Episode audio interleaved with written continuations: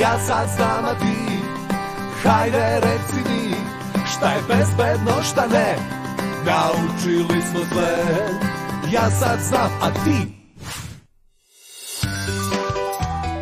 Školska godina se uveliko zahuktala. Kod mnogih su već počeli i prvi testovi znanja. Ali jedna tema je i dalje veoma aktuelna.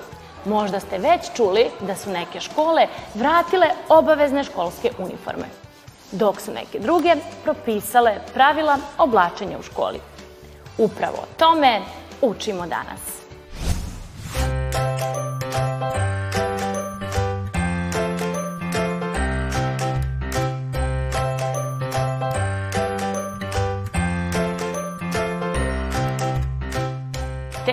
U vezi sa oblačenjem u školama i školskim uniformama je veoma aktuelna ovih dana. Da li postoje pravila koja propisuju kako se deca moraju oblačiti u školama?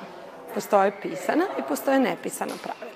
Pa tako, na primjer, kada kod, komši, kod komšija odlazimo na kafu ili da se podružimo, možemo da idemo u trenerkama, u helankama, u nekoj neobaveznoj odeći. Ali kada taj isti komšija, na primjer, pravi slavu ili slavlje neko, onda se potrudimo da odamo počast i domaćinu i celoj toj situaciji, pa se ipak potrudimo da se obučemo malo, e, da se malo doteramo, da malo damo, ovaj, da i svojom odećom pokažemo da nam je to važno.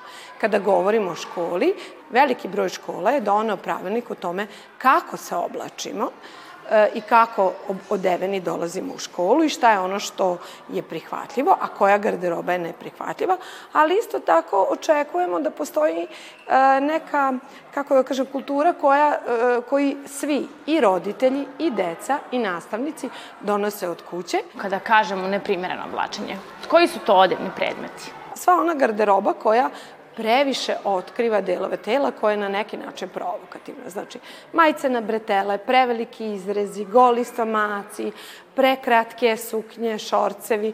E, mislim, u krajnjem slučaju, kada idemo na trening, ne oblačimo haljinu za koktel.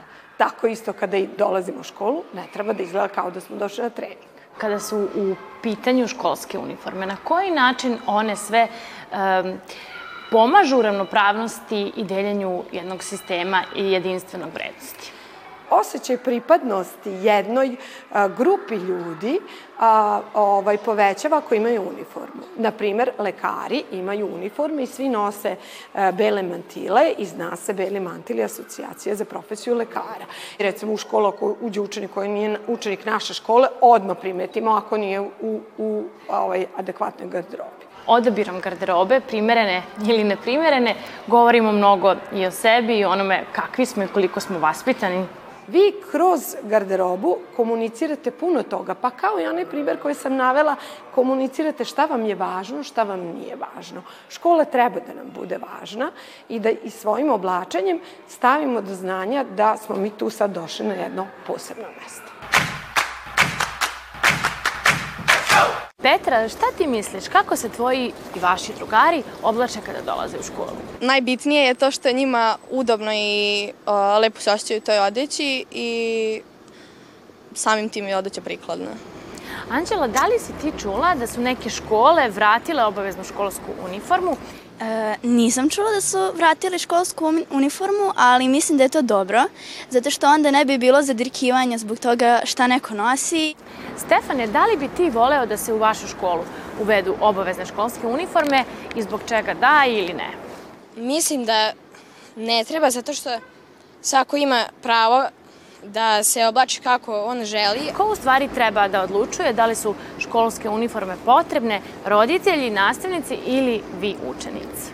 Po meni trebalo bi da i učenici imaju pravo da kažu šta misle, zato što ne, u nekim uniformama možda im ne bi bilo uh, udobno i ne bi se osjećali, da kažem, lepo, ali u isto vreme i nastavnici i roditelji, jer učenici, neki, ima neki učenici koji bi hteli malo da kažem, neprikladnije um, uniforme i onda mislim da bi nastavnici i roditelji trebali da isto prodiskutuju sa decom i, sa, i međusobno o tome. U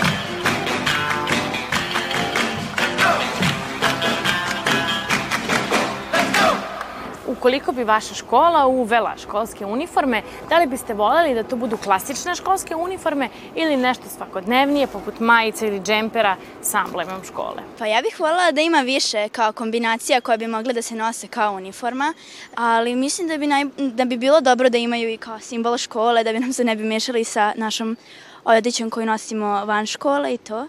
Kad bi nosili školske uniforme, da bude nešto svakodnevnije i neki džemper, majica, a, zato što da bi nam bilo udobnije. Na koji način e, se mi prikazujemo svetu kroz našu garderobu i koliko je to važno? Pa moje mišljenje je da je odeća samo prvi utisak o nekome i da bi trebalo kad prvi put upoznajemo nekoga da nam bude fina odeća, pristojna i prikladna jer dok nas neko ne upozna ne zna kakvi smo, pa nas proceni samo prema našem izgledu i tako napravi priču o svojoj glavi praktično kako, kakvi smo mi, što ponekad može da bude skroz pogrešno. Znači, ipak mi ponekad i želimo da pošaljemo neku poruku svojim oblačenjem. Iz iskustva znam da roditelji ponekad da beru nešto što se detetu ne sviđa i onda detetu nije prijatno da to nosi i u školi se ne osjeća, ne osjeća se udobno i sigurno. Tako da mislim da bi deca trebala da biraju. Neprimerenim oblačenjem u većini škola smatra se majica sa bretelama, majica bez rukava ukoliko ramena nisu prekrivena košuljom, blejzerom ili džemperom, majice koje ne pokrivaju stomak i leđa, šorcevi, mini suknja, helanke ukoliko nisu prekrivene dužom tunikom, papuče, obuća sa previsokim potpeticama, kapa, kačket ili kapuljača u školskoj zgradi, odeća sa navijačkim obeležima, odeća sa uvredljivim natpisima ili slikama, providna ili tesna odeća. Pravilnikom o školskoj uniformi propisuje se kodeks oblačenja u školama. Na ovaj način promoviše se jedinstven sistem vrednosti, ali i ravnopravnost svih učenika. Ukoliko ova pravila poštuju svi, nastavnici, roditelji i učenici, postiže se međusobno poštovanje, ali i poštovanje institucije u kojoj se nalaze.